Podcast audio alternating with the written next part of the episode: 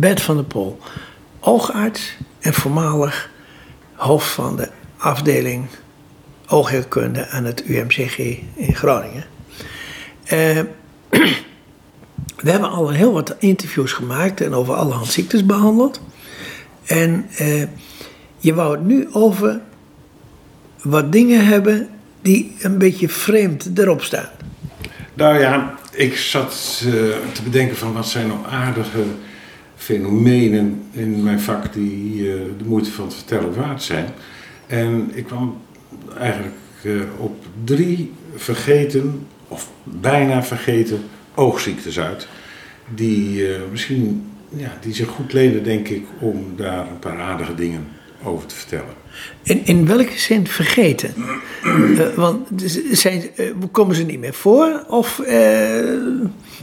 Ja, ze, ze, komen nog steeds voor, dat we zeggen twee van de drie. Um, maar in een hele andere frequentie, dus veel minder. Of op een andere plaats, of onder een ander deel van de bevolking. Want als je zo in de geschiedenis kijkt, zie je dat het, het patroon van ziekte uh, verandert in de loop van de jaren. En, en, dat is natuurlijk afhankelijk van wat je kunt, wat, wat dokters kunnen. En vergeet niet dat in de, in de, in de, in de voor 1800 dat het over het algemeen een hoogst ongezonde uh, stap was als je ziek was om naar een dokter te gaan. Hè? Ja, maar dan had je grote kans om dood te gaan. Dat, die kans uh, was, uh, was behoorlijk, behoorlijk reëel, ja. Oh, en als we het in, in de oogheelkunde hebben, dan hebben we het over staar. Ja, een van de, van de aardige dingen van dit vak, daar hebben we het ook al, over gehad, dat is dat, het, dat het de oogheelkunde eigenlijk altijd een heel speciaal onderdeeltje geweest is in de geneeskunde. Want de, de oogdokters, of de mensen die zich met oog uh, ziektes en ook chirurgie bezig hielden, die waren eigenlijk relatief aardig succesvol. Als je dat vergelijkt met andere dingen. De staarsteek, zoals die, dus de, de, de voor, voorloper van de staaroperatie zoals die nu is, die was uh, met 30% ongelooflijk succesvol. Ja, in 30 onze, in onze termen moet je even realiseren dat 70% natuurlijk mislukt is dan. Maar als je dat vergelijkt met andere ingrepen, was de staarsteek was een hele succesvolle ingreepje. Hè, dus in, in bevolkingsopzicht uh, bereikte je daar wat mee.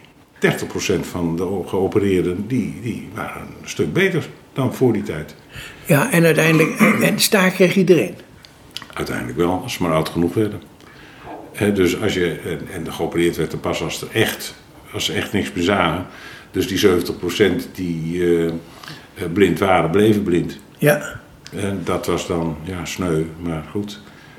30% werd toch aanzienlijk beter. Maar en wat kon je nog zien zonder lens eigenlijk? Ja, dat is een hele aardige. Uh, wat je, je moet je voorstellen dat, dat als je geen bril draagt, ja, je ziet gewoon alles vreselijk wazig als, je, als de lens eruit is. En uh, je, hebt de, je, zou, je moet de lens vervangen. Als je dat in een bril vervangt, dan heb je ongeveer plus 13 nodig. En dat zijn dus echt hele dikke brillenglazen. Ja. Maar goed, we, dat is een van de, van de, van, van de aspecten. Uh, in de, als je naar de geschiedenis kijkt, dat, dat het ziektepatroon verandert in de loop der jaren. En uh, dat was afhankelijk natuurlijk van wat je kon. Nou, oog, oogheelkunde kon vrij veel, relatief gezien. Ja, maar wat, wat, wat dan nog meer? Want, want er nou, zijn, de, de, meeste ziektes die zijn, behandeld, er zijn effectief behandeld. Niet zozeer door dokters, als wel door hygiënische maatregelen in de maatschappij. Maar dat is een algemeen verschijnsel. Ja, zeker. Dat is een algemeen verschijnsel. We zijn niet zo gezond en zo uh, geworden door, uh, door de dokters, maar doordat we welvarender geworden zijn. Doordat we. Uh, Semmelwijs. Ja, precies. Dat soort dingen. Hè? Um, ja, want die dokters die wilden niet aan de hygiëne. Nee, dat waren die vroedvrouwen wel, want die hadden gezien wat het voor gevolgen had.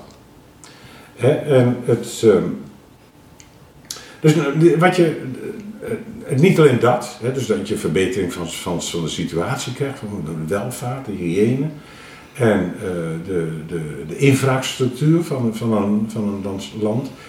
Vergeet niet wat, wat de, uh, de, de, de, de, waterleiding en de riolering teweeggebracht heeft. Dat is rond 1880, zeg Ja, dan, dan pas worden wij echt, hè, dan, dan gaat het pas heel goed.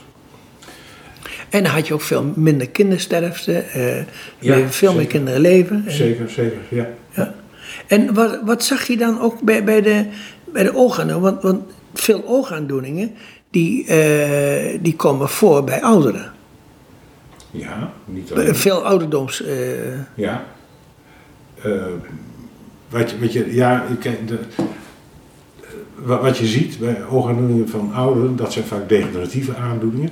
Kijk, dat hebben we nog steeds niet onder de knie. En de vraag is of we dat überhaupt onder de knie ooit gaan krijgen. Hè? Oud worden is natuurlijk een degeneratief proces ook. Ja.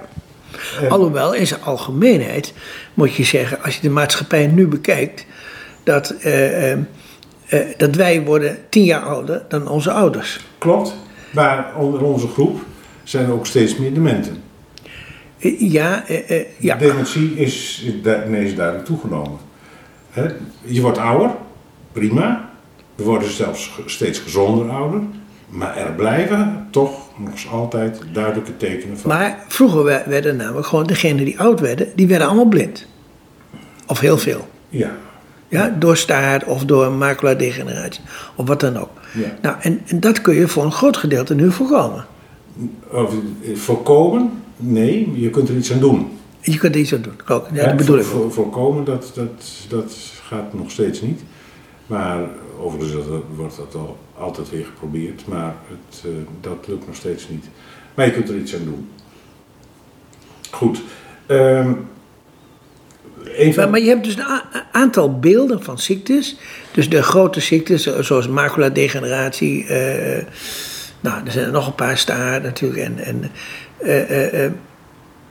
uh, uh, maar uh, daarnaast zijn er ook, zullen ongetwijfeld allerhand ziektes of aandoeningen zijn die er omheen bewegen, die wel of niet serieus genomen worden. Ja, daarvan heb ik ook een, een voorbeeld. Ehm, maar niet alleen dat, hè, dus we, hebben het nou specifiek over oogziektes, maar er zijn natuurlijk ook een heleboel aandoeningen die gecirculeerd hebben en nog steeds circuleren die, uh, die grote invloed gehad hebben op, op, laten we zeggen, op ons Nederlandse volk. Uh, je kunt je bijna niet voorstellen, maar tot de jaren 60 van de vorige eeuw kwam hier malaria voor in Nederland. 1960 dus? Ja. ja. In Noord-Holland en in Zeeland waren haarden waar malaria voorkwam. En je hebt nu kans dat het weer voorkomt vanwege vluchtelingen.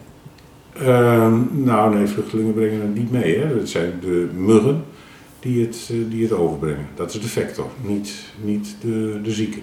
Okay. Jij wordt niet ziek van een malaria-patiënt. Jij okay. wordt ziek van een anopheles, uh, van een muggensoort die uh, het, de bacterie bij zich heeft. En die muggensoort hadden we in Nederland ook? nou, anopheles is een geslacht van, van muggen.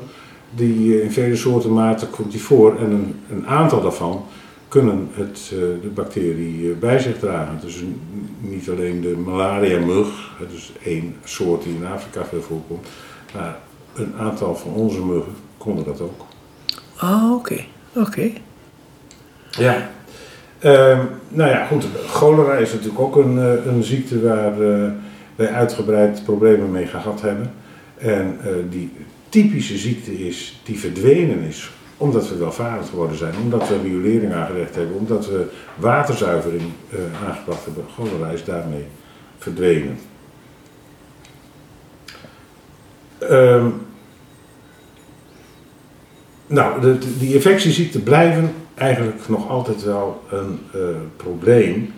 En eerlijk gezegd, uh, na de Tweede Wereldoorlog dachten we natuurlijk dat we dit, het probleem van infectieziekten opgelost hadden. Met uh, antibiotica. Met antibiotica, ja. Waar we natuurlijk even geen rekening mee hadden gehouden, was dat die beesten ook niet uh, van gisteren zijn. En die, uh, die pasten zich aan. Hm? En dat aanpassingsvermogen, dat ging in hoog tempo. En ondertussen is het zo dat we de, de resistentie, de, de resistentie tegen antibiotica van, van, van bacteriën begint een steeds groter probleem te worden. Er zijn ondertussen al bacteriestammen die we eigenlijk helemaal niet meer kunnen behandelen. Mhm. En uh, we hebben dat dus min of meer zelf op ons geweten, doordat we ze behandeld hebben in eerste instantie met antibiotica. En daar zijn ze dus ongevoelig voor geraakt.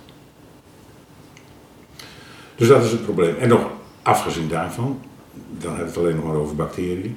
Maar er zijn natuurlijk ook een heleboel virale aandoeningen die, uh, waar we überhaupt niks tegen kunnen doen. Want tegen virussen hebben we nog steeds, in een hele enkele uitzondering, eigenlijk geen echte geneesmiddelen. Wat we daarna gedaan hebben, is vaccinatie. En dat is natuurlijk wel een heel groot succes geweest.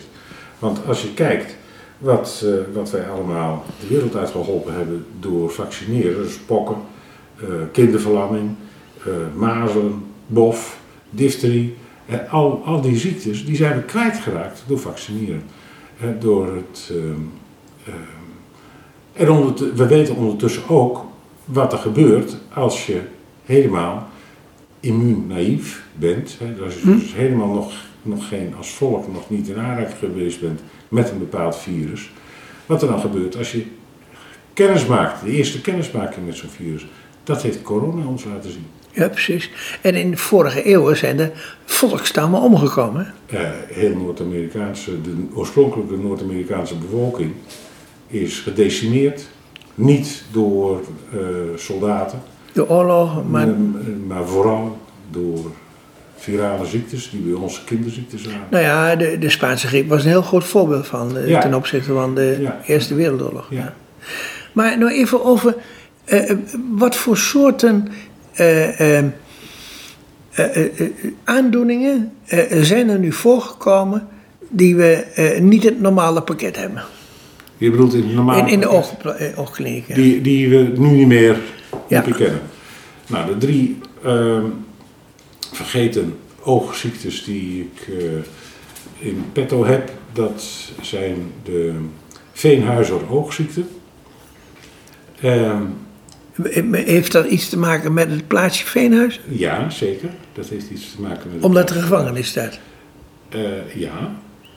En uh, de tweede is de uh, klierstof. Dat is een ziekte waar, uh, waar eigenlijk niemand meer weet wat, wat dat is. En de derde zijn, is de, de aandoening van de kampogen. En ook dat is een ziekte die in vergetelbaarheid geraakt is. Ja, en er waren met name de kampen dan in, in Indonesië, ja, ja. waar de Nederlanders werden opgesloten. Ja. En dat is iets wat we gewoon in de volgende afleveringen zullen behandelen. Ja. En uh, wil je er nu nog iets afsluitends over zeggen als inleiding? Nee, ik geloof dat dit wel, uh, ja, ik denk dat dit wel voldoende is. Oké, okay, dan sluiten we hiermee af en dan gaan we daar binnenkort mee verder. Goed zo.